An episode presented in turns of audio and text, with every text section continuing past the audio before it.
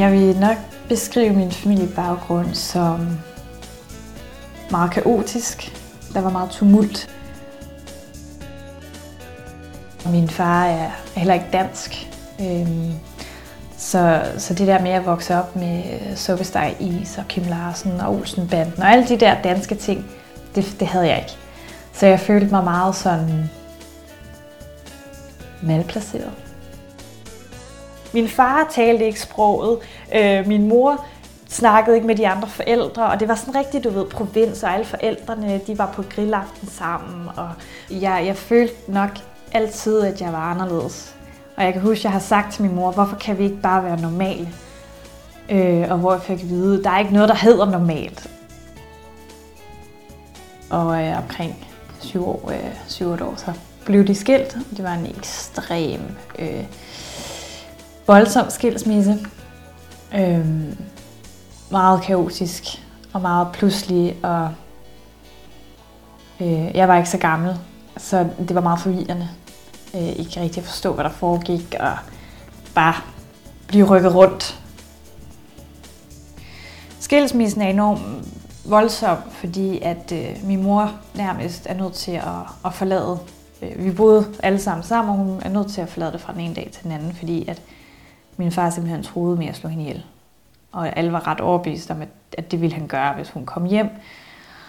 Øhm, så fra den ene dag til den anden, så er hun jo bare, er hun der bare ikke mere Øhm, på samme måde.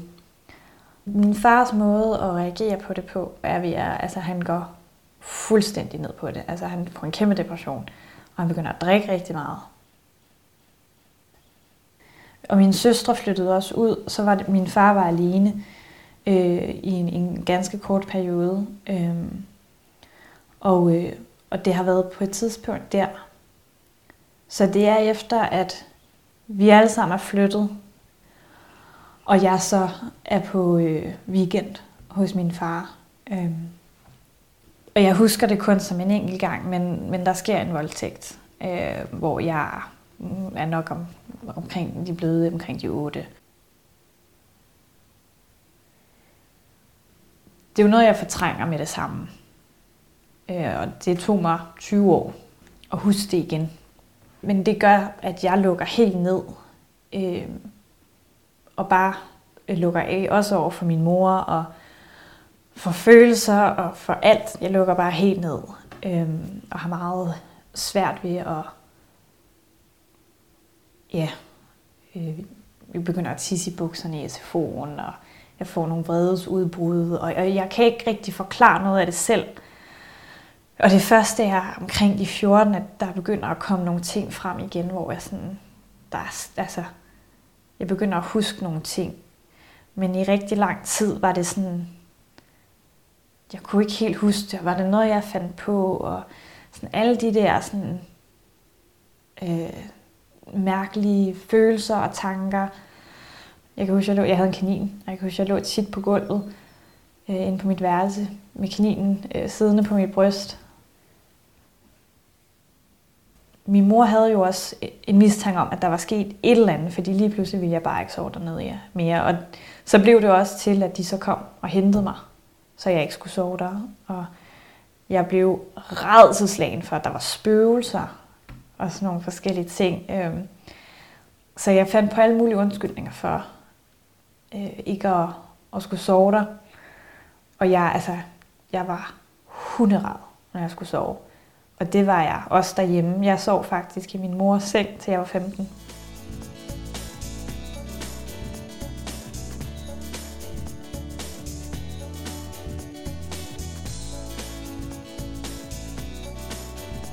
Jeg fik tit at vide, at jeg boede på månen. Øh, fordi jeg jo bare var meget afkoblet. Men det var svært for mig sådan helt at forstå, hvorfor øh, havde jeg det sådan her. Øhm, sådan noget med berøring var svært. Det var først i 8. klasse, at det gik op for mig, at jeg fuldstændig havde undgået berøring fra andre jeg udviklede så en spiseforstyrrelse for at, at håndtere følelserne. Og, og jeg tror mest, jeg gjorde det på en eller anden måde for at, at fortælle min mor, kan du ikke se, hvor dårligt jeg har det? Og så på et tidspunkt, så øh, begyndte jeg at skære mig selv i anklen. Og øh, og det, øh, det lyder måske mærkeligt, men jeg var meget sirlig med, hvordan jeg skar mig. Fordi jeg vidste, at det ville blive til ar. Og på en eller anden måde, så tror jeg, at jeg havde fået et håb om, at jeg nok skulle få det bedre på et tidspunkt. Og derfor så, så lavede jeg de snit for at huske mig selv på, at selvom jeg får det bedre en dag, øhm, så gjorde det ondt.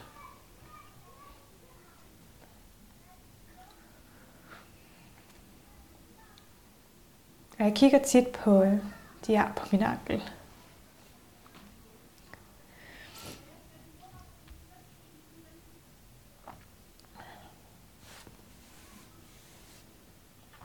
Så tænker jeg på, på den pige, der, der lavede dem. Øhm.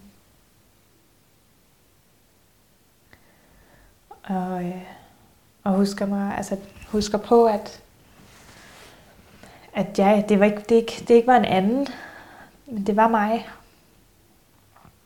Og at jeg kom igennem det.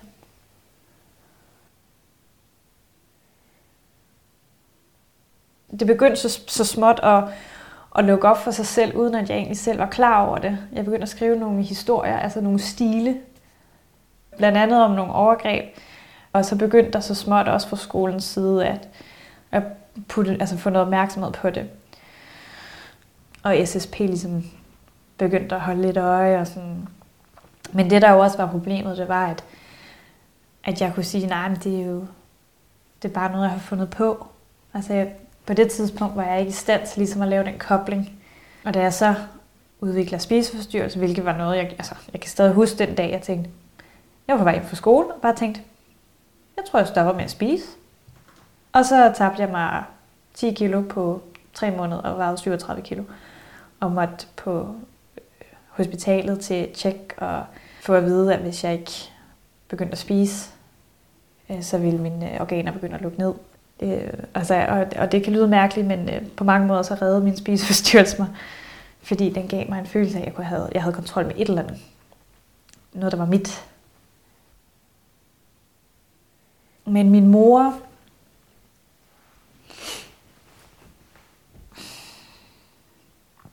sendte mig til psykolog. Det var det bedste, hun, hun kunne på det tidspunkt. Øh, og jeg har jo talt meget med min mor om, at det, jeg havde brug for, det var jo at blive set og få omsorg og få tryghed. Altså det der med at, at sidde ned og, og, og have hjertevarme. Hun er bedre til det i dag, men øh, det var ikke hendes spidskompetence dengang. Ja, så begyndte jeg jo så til psykolog. Øh, gang om ugen. Og øh, ja, der begyndte vi så også at, at tale lidt om de her overgreb. Da jeg omkring de 14 mærkede i mig selv, at, at, at der var sket et overgreb. Og det føltes som om, at mit hjerte havde været omgrænset af, eller omkranset af en sten, og lige pludselig foldede det sig ud som en blomst. Altså det var sådan, jeg kunne trække vejret. Og på samme tid, så blev det meget forvirrende. Fordi jeg kunne stadigvæk ikke helt huske det. Øhm, så det var meget sådan, måske, måske ikke. Det er også en voldsom ting at, øh, at sige om sin far. Og jeg var jo ikke sikker, og det var jeg alligevel, og så alligevel ikke. Og i rigtig lang tid, så prøvede jeg ligesom at sige til mig selv, lige meget om det sker, eller det ikke er sket, det er lige meget. Øh, jeg er nødt til at, at se på mine, mine reaktioner, og så bare tage mig af mine reaktioner. Jeg blev seksuelt aktiv, da jeg var 17. Og fra jeg var 17 til nok jeg var 25, var sex ekstremt smertefuldt. Og mange gange fik jeg også angstanfald. Men jeg var ikke engang klar over, at jeg havde angstanfald. Jeg havde en kæmpe vrede inde i mig også. Og jeg var ikke helt sikker på, hvordan jeg skulle... Altså, det var en enormt destruktiv vrede. Og jeg kan stadig huske, da jeg var i 20'erne, at jeg var hos en psykolog og skulle prøve at beskrive det her øh, for første gang. Bare at sige, at, øh, at jeg havde været udsat øh, for et overgreb, og, og hvad der skete. Og det tog mig hele timen at få fremstammet måske halvanden sætning. Fordi hele mit system bare var sådan, øh, det var bare frosset. Det var bare lukket helt ned.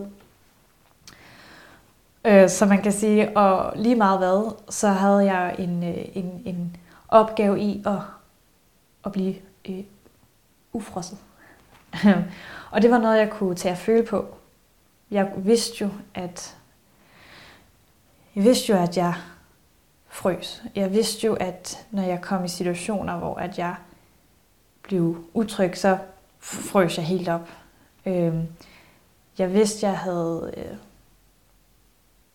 problemer med intimitet. Altså, så der var en masse ting, jeg vidste, som jeg oplevede i øjeblikket, som jeg lige meget, hvor det kom fra, kunne tage mig af.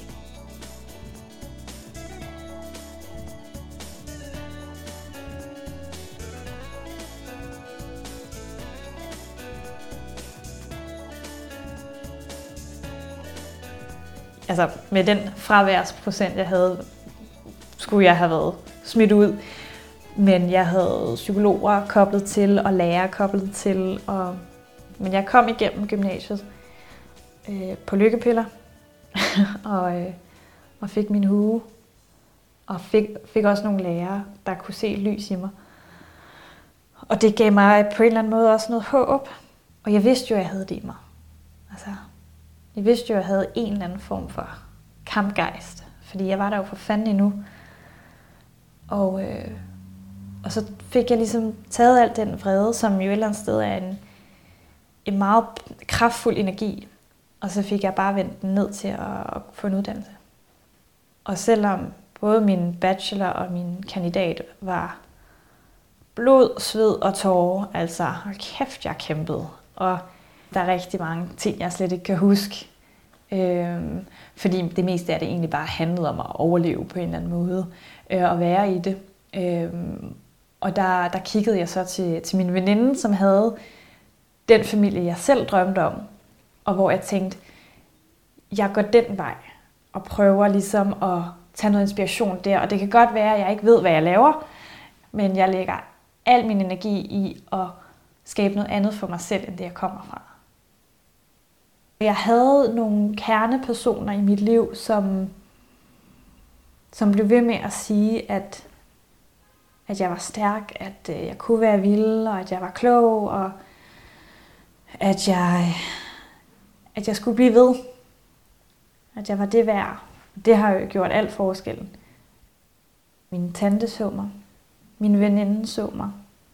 Så kan det godt være, at det ikke var mine forældre. Men, men det var ja, den familie, man et eller andet sted selskaber. Nu er jeg jo i 30'erne, og jeg har de bedste, de bedste veninder, som, som ser mig, og som jeg viser mig selv. Altså, min defreezing har også været en, en, en proces i at, at tage mine masker af og vise mig selv over for andre. Øh, og det er noget, der stadigvæk er en udfordring. Men, øhm, men det bliver bedre hele tiden.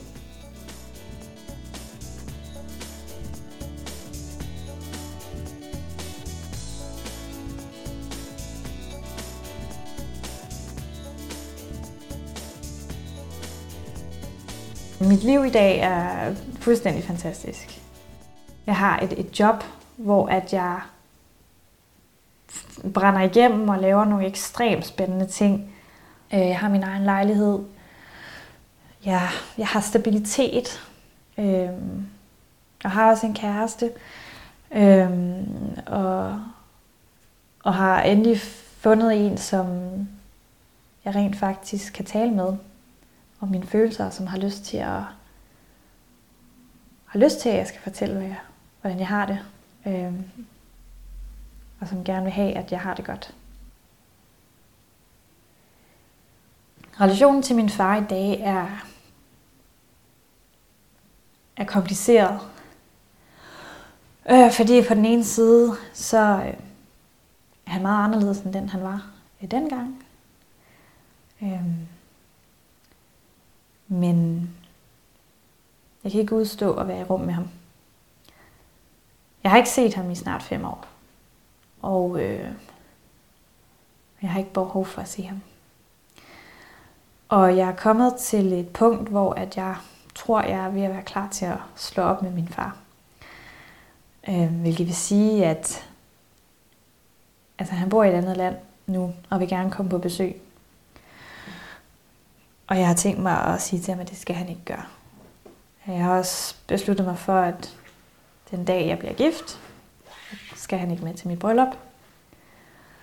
Jeg ved, at det kommer til at sove min far enormt meget. Men jeg er også nået så langt, øhm, at, øhm, at mine følelser er vigtigere end hans.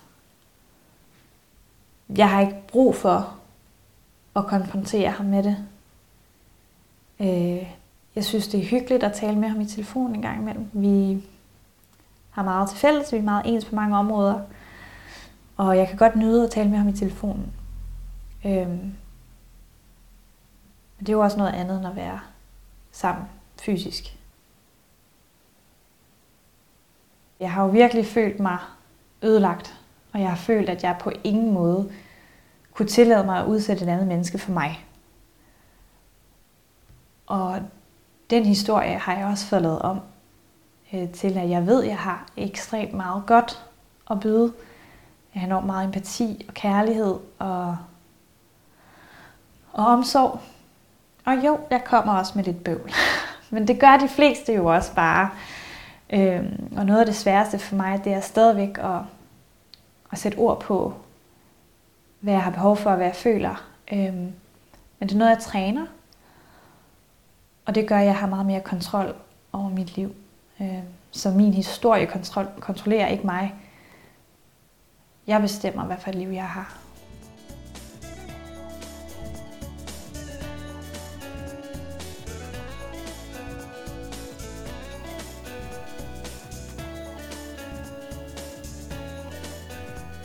Hvis man har oplevet øh, et overgreb eller en voldtægt, eller man ikke er sikker, men man mistænker noget, øh, jeg synes helt sikkert, at man skal søge hjælp.